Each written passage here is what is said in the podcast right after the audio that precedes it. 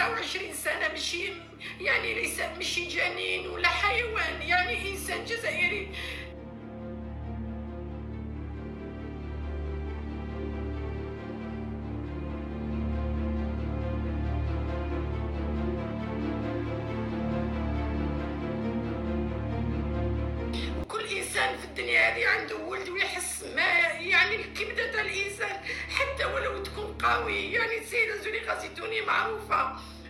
قوية وراني عندي اكاديمي رياضية دخلت في عالم الرجال لاني قوية. لكن ابني من جد في قضيه ابني يعني راني تدهورت تدهورت حالتي نفسيا.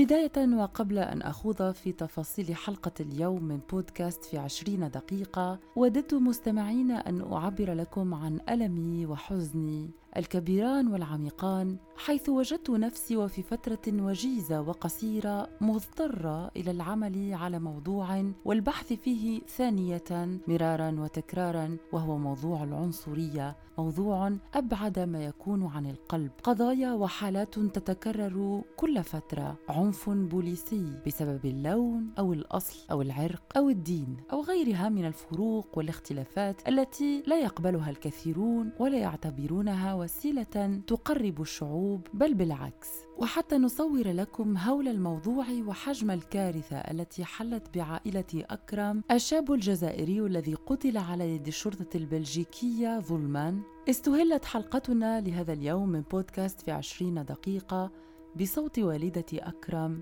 وهي تبكي وتصف لنا مشاعرها وعظمة الكارثة عليها وهذا الخبر. الذي نزل كالصاعقة على حياتها وأفقدها صوابها وأفقدها ولدها. ولم يكن هذا إلا جزء صغير جدا مما ستستمعون إليه اليوم بصوتها حتى تصل لنا حرقتها التي تشعر بها على أمل أن يستفيق العالم ويوضع حد لمثل هذه الممارسات على هذا الكوكب. في حلقة اليوم من بودكاست في عشرين دقيقة سيكون لنا ضيفان، ضيفتنا الأولى ستكون السيدة زليخة زيتوني والدة أكرم التي أدلت بشهادة حصرية ومطولة كانت قد نشرت على المنصة الجزائرية أوراس، وكذلك سيكون لنا ضيف ثان يرافقنا في حلقة اليوم وهو السيد فريد بالوناس رئيس رئيس تحرير هذه المنصة. أسئلة عديدة انتظروا طرحها في حلقة اليوم من بودكاست في عشرين دقيقة. من قبيل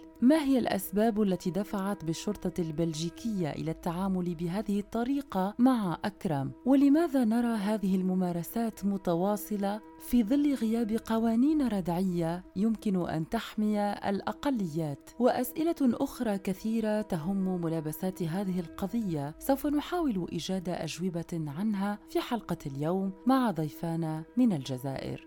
ابقوا معنا.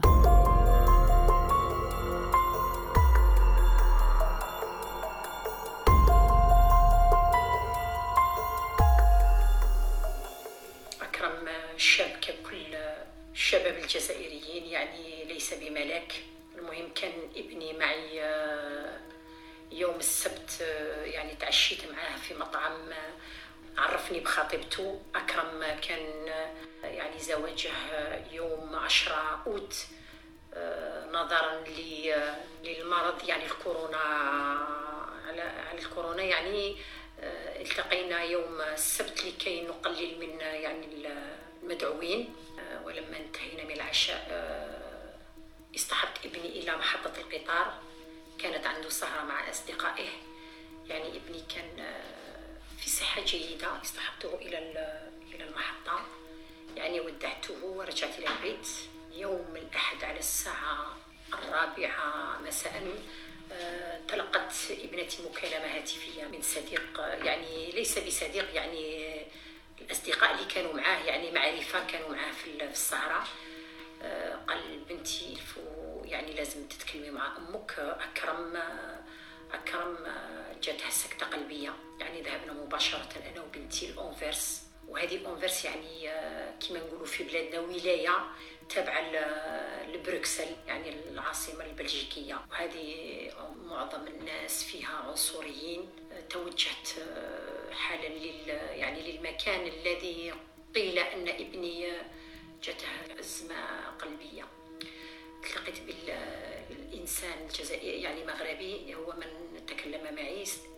دخلت للمقهى سالت البنت يعني ممكن تدلني على عنوان المستشفى؟ يعني أنا ظنيت في هذه الدقيقة ظنيت يعني أن ابني جاته سكتة قلبية مثل الناس يعني أخذ إلى المستشفى. لكن صاحبة المحل قالت لي يعني تعزية الخالصة.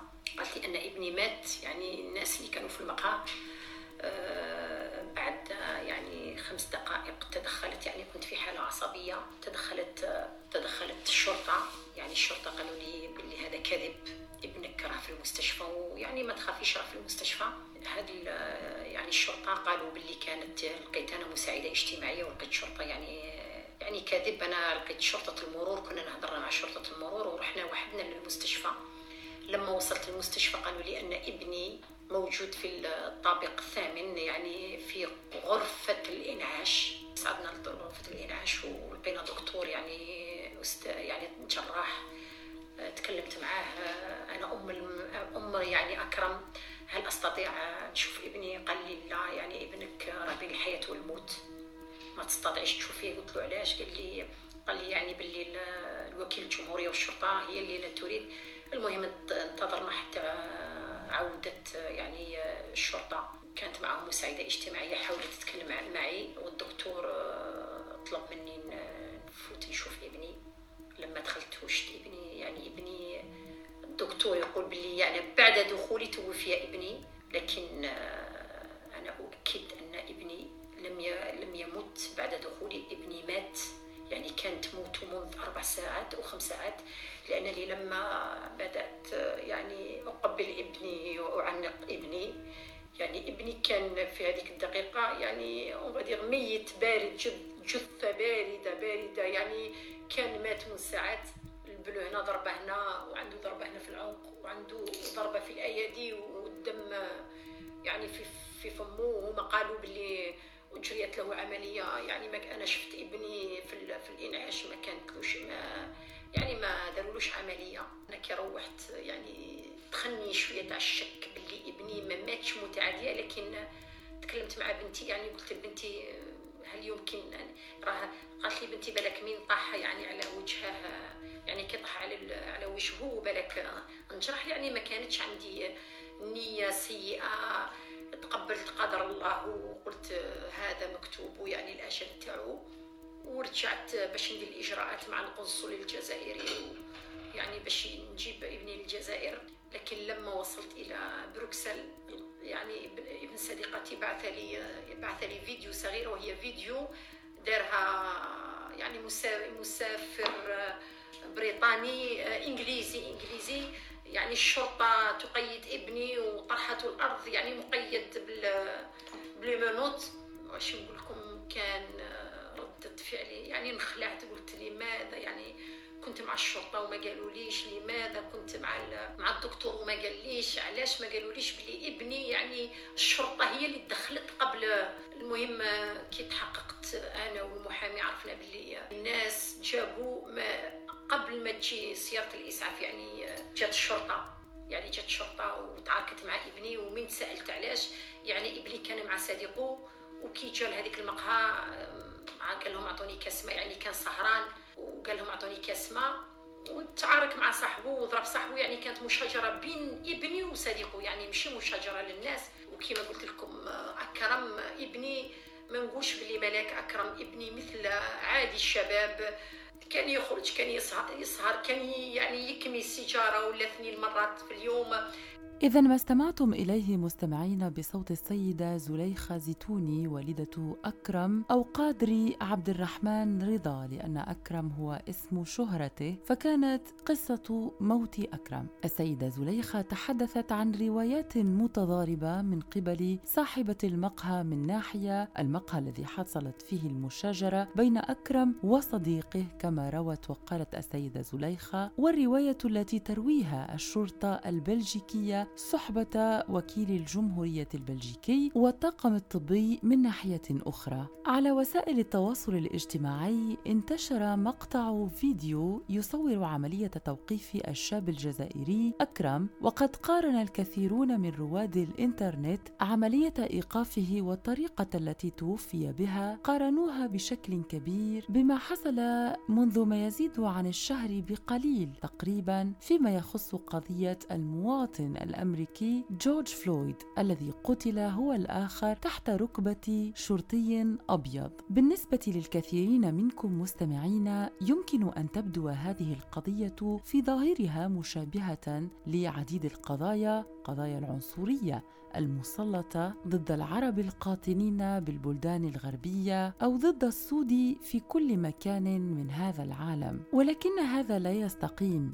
بما أن كل قضايا العنصرية في الفترة الأخيرة مرتبطة بشكل وثيق بالشرطة التي تحاول أن تفرض اسلوبا زجريا وعنيفا جدا في التعامل مع من هم ليسوا بأبناء البلد أو من هم مختلفون في لونهم أو في دينهم أو في عرقهم. فمن المشين جدا أن تكون الشرطة في أي بلد من البلدان المعنية بقضايا العنصرية المسلطة من قبل الشرطة على المواطنين المختلفين عن أبناء البلد من المشين أن تكون هذه السلطة التي من المفروض أن تحافظ على استتباب الأمن وعلى العدالة بين كل الأفراد الذين يعيشون على نفس الرقعة الأرضية هي نفسها التي تكشر عن أنيابها وتفرض اسلوبا عنيفا جدا وعنصريا في التعامل مع من هم مختلفون. وكي نركز أكثر في قضية اليوم كانت لنا الفرصة للحديث الحديث مع رئيس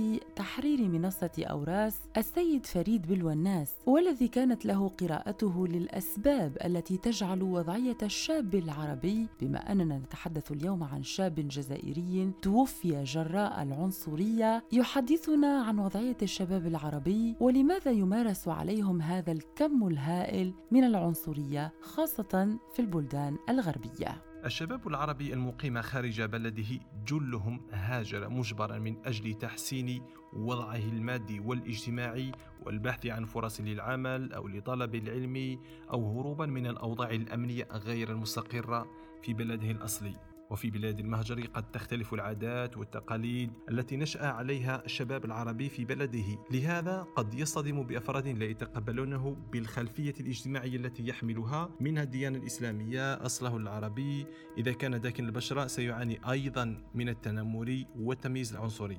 هذه الحالة قد يعاني منها كل مهاجر عربي مقيم بصفة قانونية. أما المهاجرون غير القانونيين أو كما يطلق عليهم الحراقة فمعاناتهم تتضاعف حيث تلاحقهم الشرطة لترحيلهم من جهة ويتم استغلالهم في الأعمال الشاقة من جهة أخرى. يعاملون كالعبيد يتم ابتزازهم ومساومتهم من طرف أصحاب المزارع والورشات في ظروف غير إنسانية وبمقابل مالي زهيد. لماذا؟ بكل بساطة لأنهم لا يستطيعون إبلاغ السلطات المعنية للمطالبة بحقوقهم. فيجد المهاجر غير القانوني نفسه بين مطرقة الشرطة وسندان الاستغلال. الجرائم التي تحصل في العالم والتي تكون دوافعها عامة عنصرية ليست بجديدة. هي جرائم يعيشها العالم منذ عصور قديمة منذ وجد الإنسان. ولكن الشيء الإيجابي في هذه الفترة خاصة وبعد ظهور وسائل التواصل الاجتماعي هو أنه من السهل عامة في هذه الفترة أن يكشف المجرمون وأن يتتبعوا بشكل عدلي حتى يتم إظهار الحق والحد من هذه الممارسات. عالجنا قضية وفاة الشاب الجزائري أكرم المقيم في بلجيكا آه، الذي توفي بعد اعتقاله من قبل الشرطة البلجيكية بطريقة عنيفة بداية الأسبوع الماضي آه، حيث جث الشرطي بركبته فوق آه، رقبة أكرم وهو ينادي لا أستطيع التنفس لكن الشرطي لم يأبه لنداء أكرم حتى توفي المشهد يشبه تماما لما حدث للإمريكي فلويد. السيدة زليخة والدة أكرم استضفناها في بث مباشر في منصتنا الرقمية أوراس. آه، قالت إن ابنها تشاجر شجارا بسيطا كما تقول مع أحد أصدقائه لتدخل, لتتدخل الشرطة آه، وتتعامل معه بعنف وكشفت عن حصولها على فيديو مدته ثمانية دقائق يوثق الحادث بالتفصيل وهو عند المحامي. بينما قالت لها إدارة المستشفى آه، إن ابنها توفي متأثرا بأزمة قلبية.